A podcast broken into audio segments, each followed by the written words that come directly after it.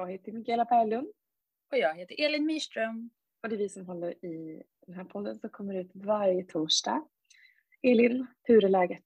Ja, men läget är bra tack. Jag blev så förvånad när jag insåg att det redan har gått en vecka sedan vi poddade senast. Ja men eller hur, det går väldigt fort.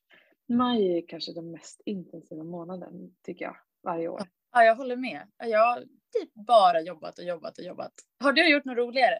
Nej, men jag har också jobbat. I och för sig så var jag på 60-årsfirande i helgen och firade min mamma i dagarna två. Så det var väldigt trevligt och eh, fint att få träffa alla hennes vänner och sådär. Det var lite öppet hus på söndagen hemma hos dem. Så det var en intensiv helg. Och sen så i början av veckan så har jag faktiskt åkt ner till eh, Kalmar och föreläst om förbundet. Vi ska ju dra igång en eh, aktieklubb där i höst också. Så att jag var där och talade tillsammans med eh, Sidura Poli och eh, hon driver Changes Hub, en superinspirerande tjej. Och sen även Gunilla från Platen var där och talade. Sen var det en otroligt kul moderator. Alltså, det, ibland så träffar man ju sådana där moderatorer som bara kan, de är så grymma på det de gör. Mm. Per Granqvist heter han. Han har startat ett, vad vi vet, heter det kontot på Instagram. Känner du till det? Nej, det gör jag faktiskt inte.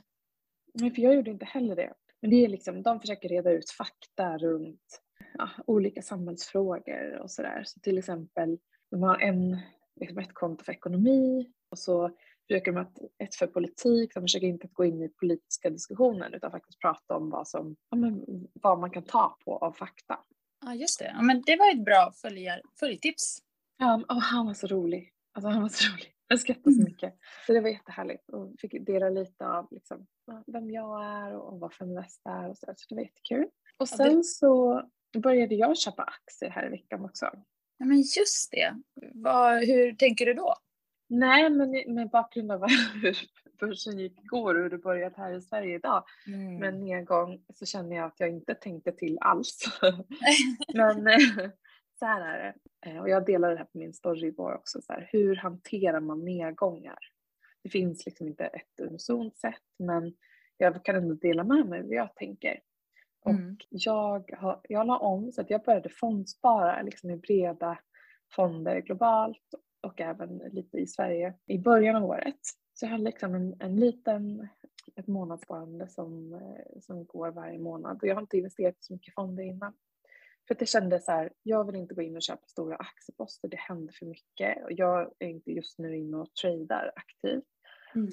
Men så jag vill få med mig den här nedgången för att jag menar att sluta köpa på toppen är ju jättedumt. Mm. Så, så sen har jag avvaktat, jag sålde av en, en del i januari men sen så nu så kände jag men nu börjar det ändå bli liksom lite attraktiva nivåer. Så jag började köpa på mig i början av veckan och tänkte, räknade faktiskt med liksom, och räknar fortfarande med nedgång framåt men tänker ändå att men nu vill jag börja ta lite bett in i marknaden.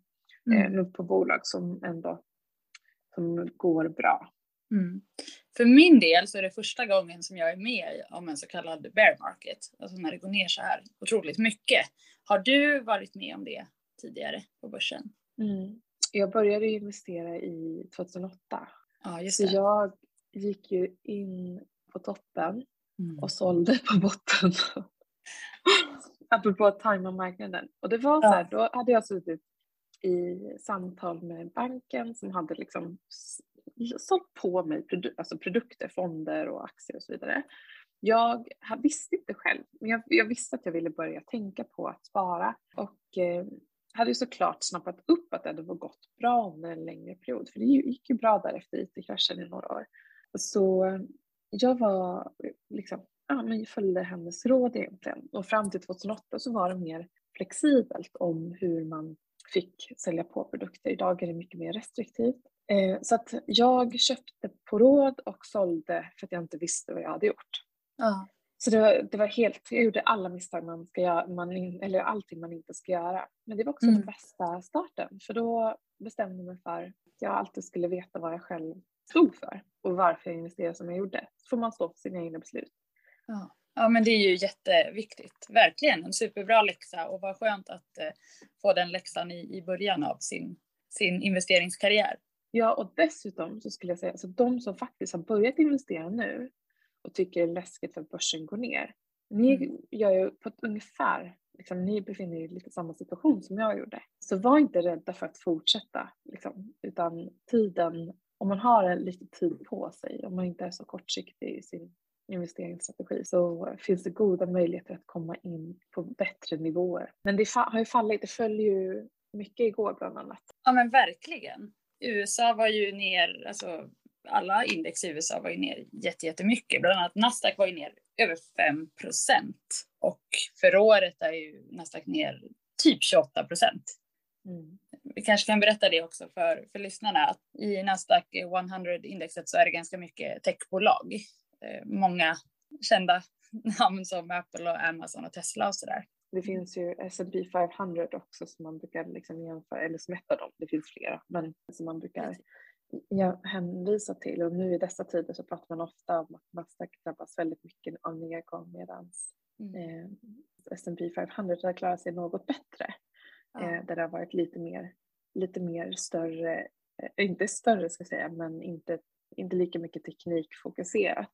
Vad tänker du att det föll sådär jättemycket igår och även ja, fallit i, fallit i många månader nu? Ja, jag har ju haft exceptionellt höga värderingar för tillväxtbolagen och det har ju varit baserat på en förväntan om en fortsatt kraftig tillväxt och de har ju lyckats hålla en kraftig tillväxt länge.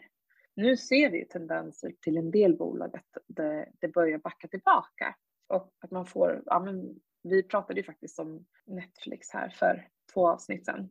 Ja, för, för två poddar sedan så hade vi ju Therese Nyrén som var gäst i Feminvest-podden.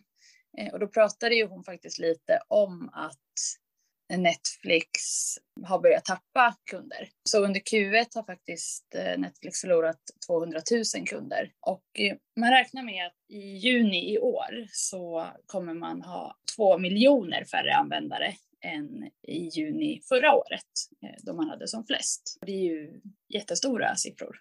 Mm, verkligen. Jag menar det, och det här är inte bara Netflix utan det är flera bolag som eh, både pausar nyanställningar och också eh, ser över eh, liksom, sina organisationer och till och med några bolag som flaggar för varsel framåt. Så det är ju, techbolagen har ju anställt och vuxit extremt kraftigt. Mm. Men nu så, så behöver de se över sin organisation på ett annat sätt. Och det är Twitter, Uber, ja, Meta, Netflix som vi nämnt, Robinhood, eh, mm. mäklaren. Så att vi, vi, eh, vi ser att det kommer en våg av uppsägningar framåt mm. som man kan räkna med under, under sommarmånaderna. Och jag tror också arbetsmarknaden har varit extremt liksom, het. Det, det har inte varit så hög arbetslöshet. Nej. Så att nu får vi se vad som händer och det här är också ytterligare ett orosmål. På ett sätt så i och med att vi har liksom stigande priser generellt på energi, mat och så vidare, att eh, det kan bli en imbalans där, där det finns en, inflation samtidigt som tillväxten stannar upp och det är ju det är något som många oroar sig för. Mm. Jag, alltså jag, jag såg bara till, till Twitter också, alltså Elon Musk la ju ett bud som vi också har pratat om tidigare. Och sen så har ju, sa han att den här affären är på paus för att liksom, han fortfarande har intentionen av att göra det här. Och han hänvisar till liksom, att han vill kart, se en kartläggning av hur många använder sina spam och fejkkonton. Mm. Eh, men det här har också gjort att Twitter har backat tillbaka efter liksom, toppnivån där mot bakgrund av budet. Man fattar att han försöker, kan försöka få till ett bra pris på affären. Men eh, det är fortfarande, det är också så att marknaden nu är som du säger en bear market och värderingarna kommer ner generellt också. Mm. Så det är svårt att se också hur mycket som är liksom kopplat till just den här dealen och hur mycket som är bara generell nedgång bland techbolagen. Precis. Ja, så det är, eh, det är osäkra tider, verkligen. Jag tycker det är, det så här, som, som svensk också, man får förbereda sig på en en mycket högre ränta. Det är ju så. Ja, det är också ett spännande klimat som inte har, har funnits så länge. Jag har aldrig varit med om mm. det här. Nej, alltså när jag köpte min lägenhet så var det ju mycket högre räntor. Mm. Jag tror, men om det var runt tre, jag kommer inte ihåg exakt vilken nivå det var på topplånet, men det var kanske det som låg mellan 3 och 4 procent. Mm. Och att andra låg lite under, men ändå. Ja, vi får nog förbereda oss på ännu högre. Ja, men exakt. I alla fall 2 procent kanske till hösten då. Ja. Men eh, du har ju också lite trevligheter för dig privat annars. Ja, precis. Jag eh, ska ju faktiskt eh, åka på semester, på tal om det här med att fira, fira mamma. Ja, men inte bara det, du har tagit examen också. Ja, det har jag. det har vi inte pratat om. Nej, det har vi inte. Precis. Jag är en ganska nybakad eh, Key Account Manager. Hur känns det att ha det kapitlet avslutat? Eh, men det känns eh, superbra. Alltså jag har lärt mig så otroligt mycket och läst massor av, av kurser som jag kommer ha användning för oavsett om jag väljer att jobba som eh, kan framöver eller, eller inte. Det har varit otroligt lärorikt. Jag älskar att, att plugga och lära mig nya saker. Så det ska firas nu då tillsammans med eh, min mammas födelsedag så att vi ska åka på lite välförtjänt semester. Oh, så härligt. Mm.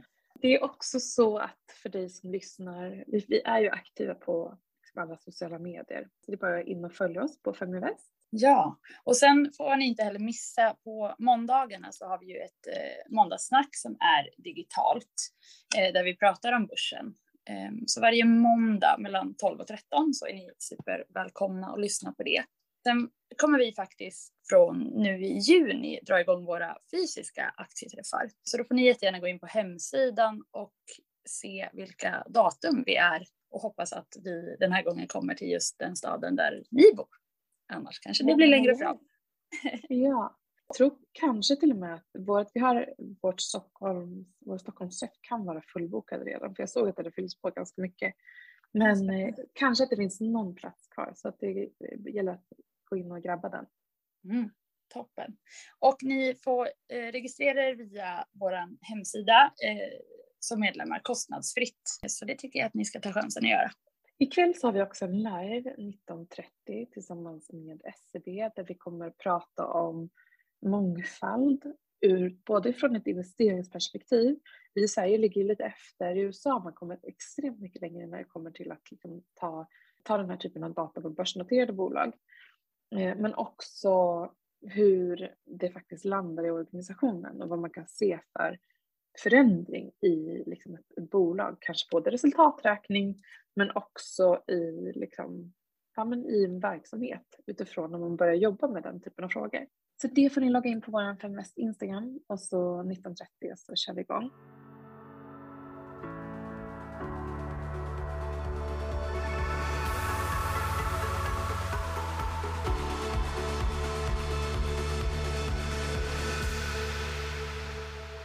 Sen har vi ju ett ord också. Ja, Eller hur Elin? Verkligen. Veckans ord är DuPont-modellen. DuPont-modellen är i alla fall ett begrepp som är ganska Liksom, det har en lång historik och används länge inom finans. Det kommer från ett amerikanskt bolag som heter DuPont. Och det var faktiskt på det glada 20-talet som man började använda den här modellen för att beräkna lönsamheten i företaget. Och då vill man liksom titta på vad har den här, det här bolaget för resurshantering? Vad har de för omsättning och finalt vilken avkastning? Så att eh, modellen använder olika typer av nyckeltal både från balans och resultaträkning. Den är väldigt enkel. Det enda du gör är att du multiplicerar kapitalomsättningshastigheten med vinstmarginalen. Och då så får du då en procentsiffra som visar lönsamheten på det totala kapitalet, hur effektivt det är. Så att ett exempel att företag har x procent vinstmarginal och en kapitalomsättningshastighet på y. Då tar man och räknar x gånger y och så får man en procent. Och eh, om man då har ett eh, företag som har en hög vinstmarginal men en låg kapitalomsättningshastighet, då kanske man behöver se hur man kan effektivisera det här kapitalet så att det inte bara ligger låst i bolaget. Och om det är tvärtom så eh, kan det vara att man inte omsätter det sysselsatta kapitalet på ett bra, effektivt sätt. Vad spännande. Är det något som du använder dig av på något sätt? Faktiskt inte så ofta. Um, inte jätteofta. Utan jag brukar titta väldigt mycket på liksom, förändringen i bolaget. Man tittar på liksom, resultaträkningen i jämförelse med kvartalsrapporterna. Vilken utveckling som varit, hur skuldsatta bolaget är, ja, vinstmarginalen, vilket håll utvecklas den. Så jag tittar ganska mycket på enskilda poster liksom, i bolag ja. Eh, efter att jag har liksom landat i att jag tror på att bolaget rör sig i en marknad som jag tycker är spännande eller tror att de kan, att de kan bibehålla en position på, på sikt. Det kan vara utifrån att de har ett starkt varumärke eller, eller så. Hur tänker mm. du då?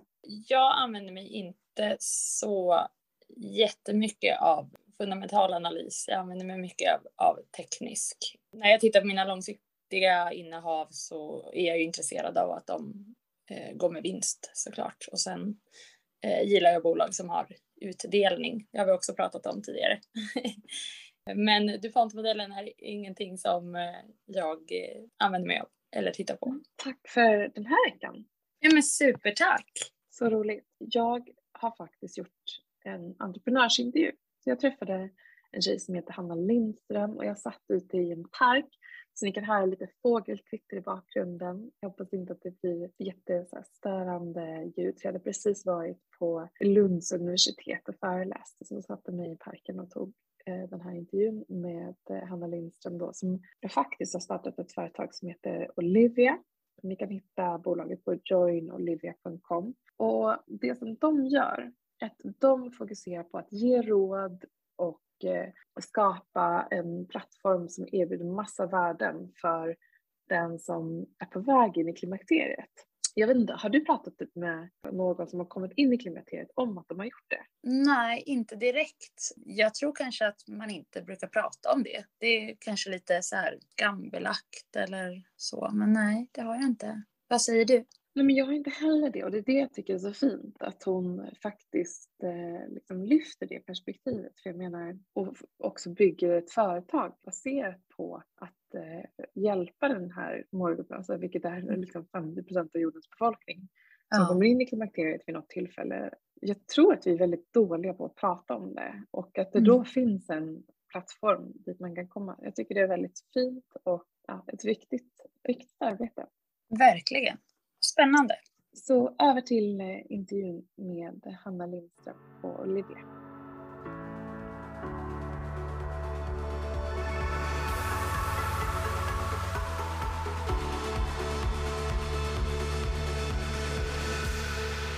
Det finns lite olika områden som har vuxit fram mot bakgrund av det initiala resonemanget som jag hade, nämligen att kvinnor äger. Och ett sådant är tjejers hälsa.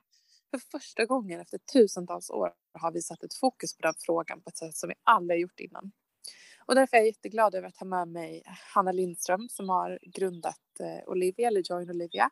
Hanna, kan inte du berätta om hur du startade ditt företag? Mm. Eh, men tack snälla och jättekul att, att få vara här. Mitt namn är Hanna Lindström som sagt och eh, jag är uppvuxen i Saltsjöbo, en, eh, en förort till, till Stockholm. Eh, och jag har faktiskt vuxit upp med en, en pappa som jobbar med just eh, investeringar och, och så jag har ju blivit grillad från att eh, jag var väldigt liten med hur viktigt det är med, med ägande och, eh, och hur man ska tänka kring det. Så det är superroligt att, att få vara här. Och ja, jag, eh, jag har en bakgrund inom mer sälj och marknadsföring och har eh, jobbat en längre tid i, i New York och eh, har alltid haft kvinnlig hälsa som en väldigt stor passion och eh, har tyckt att eh, ja, men just den informationsbarriären liksom, som vi har mellan att det, det, är antingen en läkare eller Google som ska tala om för, för en liksom, hur man ska göra. Och har alltid tyckt att det är väldigt viktigt och har väl alltid varit den personen som har suttit på middagar och pratat om vikten av eh, att ha koll på sin hälsa. Um, och sen nu för... Vilket sätt då? Alltså på vad man äter och, och sådana saker eller träning eller?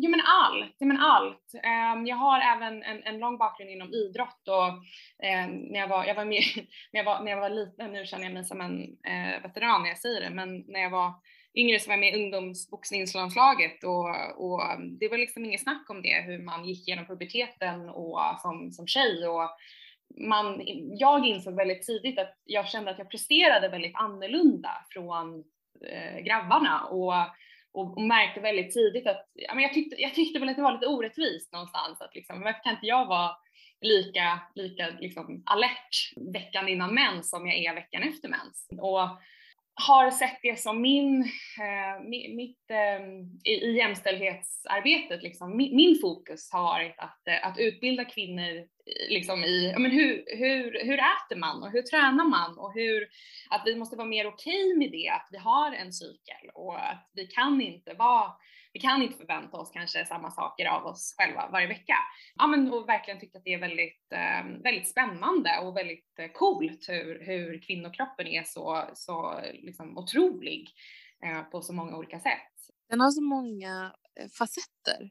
Ja. Den är liksom, och den är ju otrolig också på det sättet, men man ofta så kanske man lyfter upp det negativa med det. Mm. Alltså, liksom, men, känslolivet kopplat till menscykeln eller man blir äldre. Och ni har ju liksom verkligen eh, lagt en ny ribba när det kommer till liksom, när man närmar sig klimakteriet om vad man ska kunna få kunskap och råd och, och också förstå vad kroppen gör och hur man kan hjälpa den. Mm. Och det är också något, det har nästan varit, man pratar bara om det negativa kopplat till det. Ja men så är det ju och, och för, för, för när, liksom innan vi hade den här, vad ska man säga, revolutionen kring, kring mens, då var ju liksom det där skämtet i kafferummet liksom, har du mens eller? Eh, och, Just det. Och, och, och, vi har ju lite samma när det kommer till klimakteriet, att det är så här, ja, men har, är du klimakteriet eller? Liksom, det är någon som liksom har en värmevallning och alltså det är ju inte, det är inte så kul. Sen, sen eh, och, och just det Eh, och, det, och det är så kul att du säger och, och jag tror att där liksom just med klimakteriet så har det varit så otroligt eftersatt. Och, och det kanske också är ganska rimligt att, att eh, det är ofta det är ofta kvinnliga grundare som gör ett bolag som är baserat på ett eget problem. Eh, vi får ju ofta höra liksom kvinnliga grundare som säger liksom, ja, jag hade problem med ja nu hittar jag bara på något, men liksom PCOS och, och därför ska, startade jag det här, eh, den här produkten eller det här, den här appen eller vad det nu kan vara. Um, och lite att vi förväntar oss att kvinnor ska vi kan bara göra någonting i en produkt som liksom har berört oss själva och, och liksom att man löser sitt egna problem.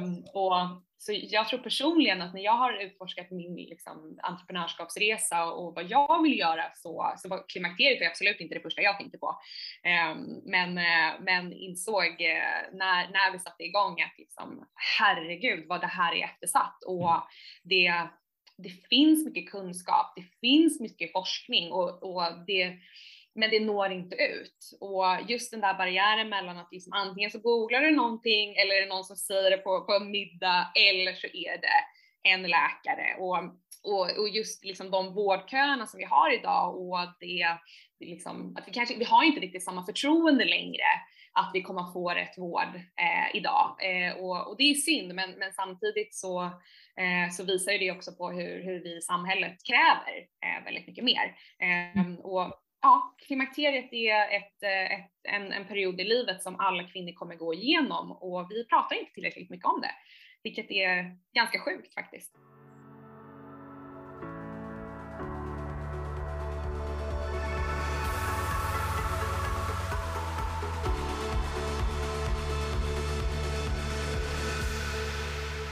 Men berätta om er verksamhet och vad den gör.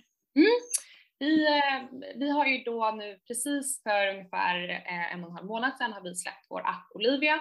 Um, Olivia är ett digitalt verktyg för kvinnor som är inför men även under klimakteriet. Och eh, klimakteriet är ju en period, du, för att undvika att bli alltför nördig, vilket jag lätt kan bli när jag pratar om det här, men du, du går ju in i klimakteriet när du inte haft en mens på, på 12 månader, så att du har inte haft en menstruation på, på ett år. Eh, förutsatt att du inte går på preventivmedel då såklart som, eh, som eh, kastar dig ur menscykeln eh, redan innan. Men eh, och innan det så i snitt så går man i, i, i fem till tio år med, med olika symptomer och idag har vi en, en liksom officiell symptomslista på ungefär 34 symptomer som, som är eh, relaterade till klimakteriet. Och vi tänker ju ofta på värmevallningar och liksom det, det är den, eh, den symptomen som vi alla vet. Men det är ett enormt, eh, enormt mörkertal av, av liksom kvinnor som, som går igenom eh, klimakteriesymptom tidigt, så kanske redan i 40-årsåldern, som är mer mentala eh, och, och liksom med hjärndimma, med trötthet, eh, irritation och, och, många som upplever mer ångest och som kanske inte riktigt vet att det är hormonellt. Och just det vill vi förändra. Vi, vi är vad ska man säga, kanske mellantinget där mellan det du googlar fram och, och det din läkare säger till dig. Vi, vi brukar säga att eh, vi, vi ger dig de råden som din läkare inte ger. Um, så att vi fokuserar just på vad är de här livsstilsförändringarna som du kan göra? Vad kan du själv eh, påverka? Och det är väldigt, väldigt mycket. Um, och som vad då för någonting?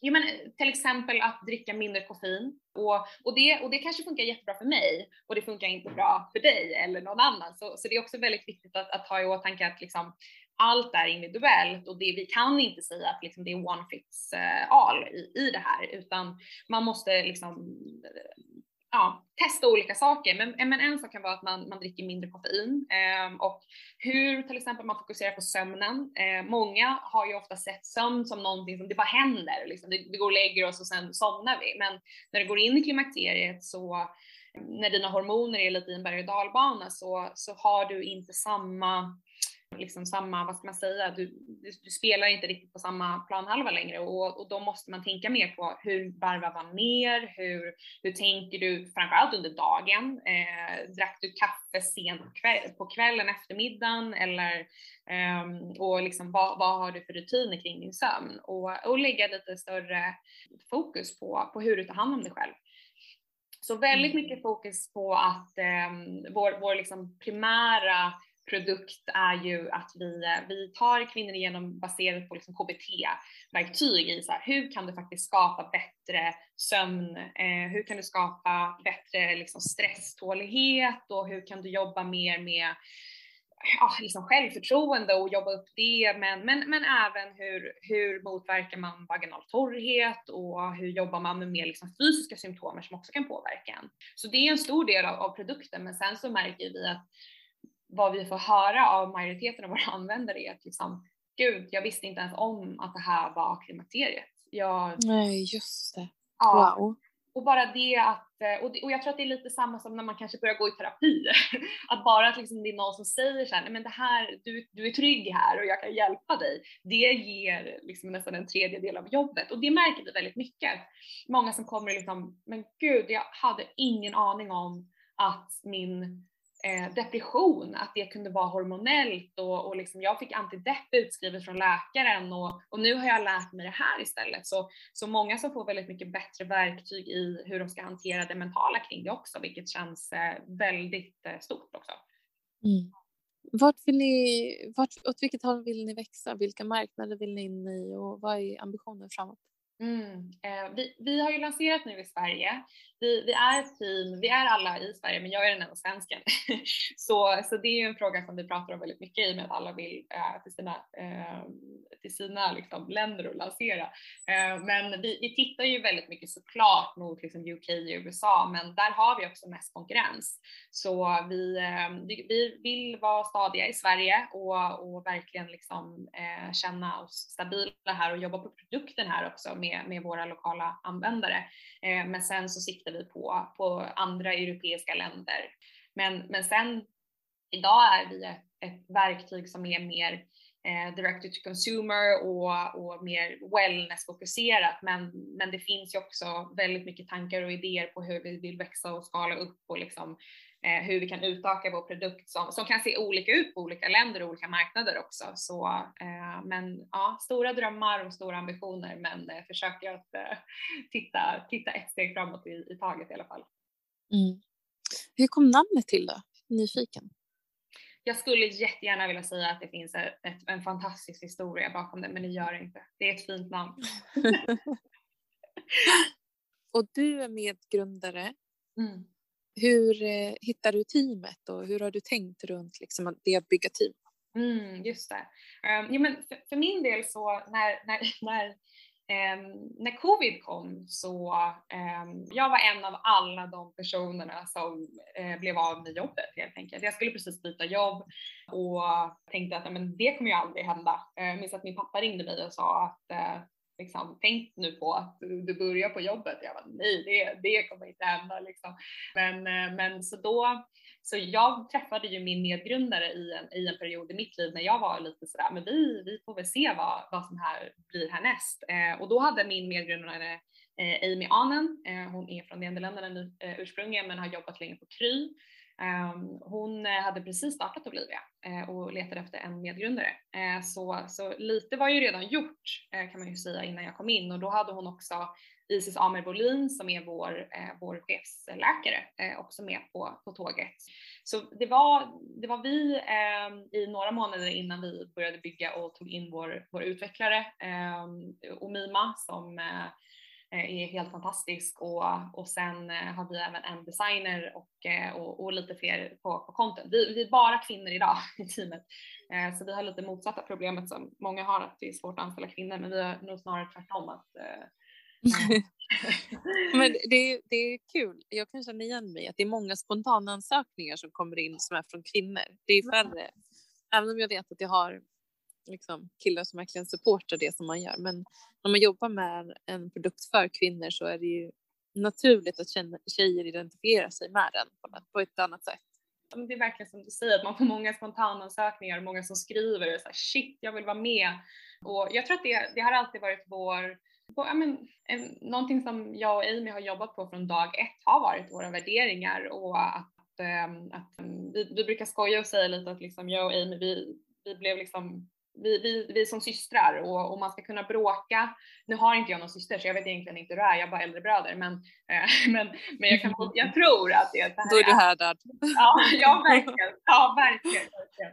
Men, men jag, jag tror liksom att, att det är viktigt att man ska känna att det finns utrymme att vara kreativ och, men det finns också utrymme för att bli um, utmanad. Och ehm, um, ja, vi har jobbat väldigt, väldigt mycket på från start att både bita oss i tungan ibland när vi vill säga där, nej, jag tycker så här, nu är det jag som bestämmer, men liksom att, att skapa den eh, kulturen där eh, alla ska få ha Ehm, känna den tryggheten i att liksom mina åsikter spelar roll och att man ska få kunna spinna iväg på saker och sen kan man säga att ja, det blev inte bra och vi, vi skippar det, men man ska alltid känna att man har, man har utrymme att få, att få testa eh, och försöka. Ehm, och, och, det jobbar vi väldigt mycket med, men, men även att kunna eh, försvara eh, vad det är man tycker och varför tycker jag så här, varför vill jag göra så här? Och jag tror att vi märker ofta det, Amy är betydligt mycket mer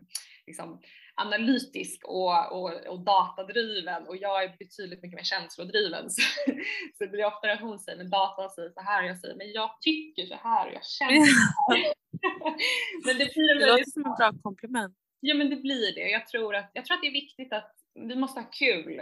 Det blir många sömnlösa nätter som det är och någonstans måste man liksom, ja, ja det blir, man får släppa sargen lite tror jag också ibland.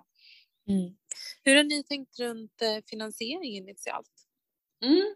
Amy var ju en del av Antler, eh, inkubatorn, så, hon, eh, så vi är ju födda genom Antler-programmet då, eh, där vi har en investering och sen så tog vi precis in en, eh, en ängelrunda eh, med eh, så vi tog in 2,5 miljon för att, ehm, för att ja, kapitalisera liksom kommande året innan vi går in i, i nästa runda.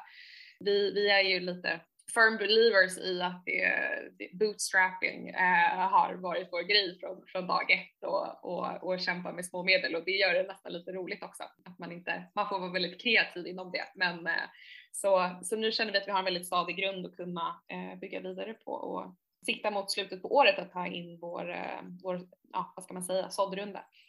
Mm. Du, tack så jättemycket för att jag tar tempen på dig och där du står med ditt bolag. Jag ser fram emot att följa er framåt. Men tack snälla, tack för inbjudan.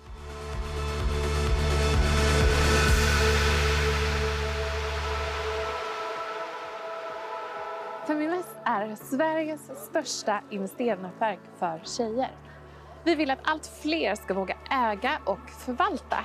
Och hur gör vi då detta? Jo, vi vill inspirera, utbilda och utmana runt ägande, investeringar och entreprenörskap.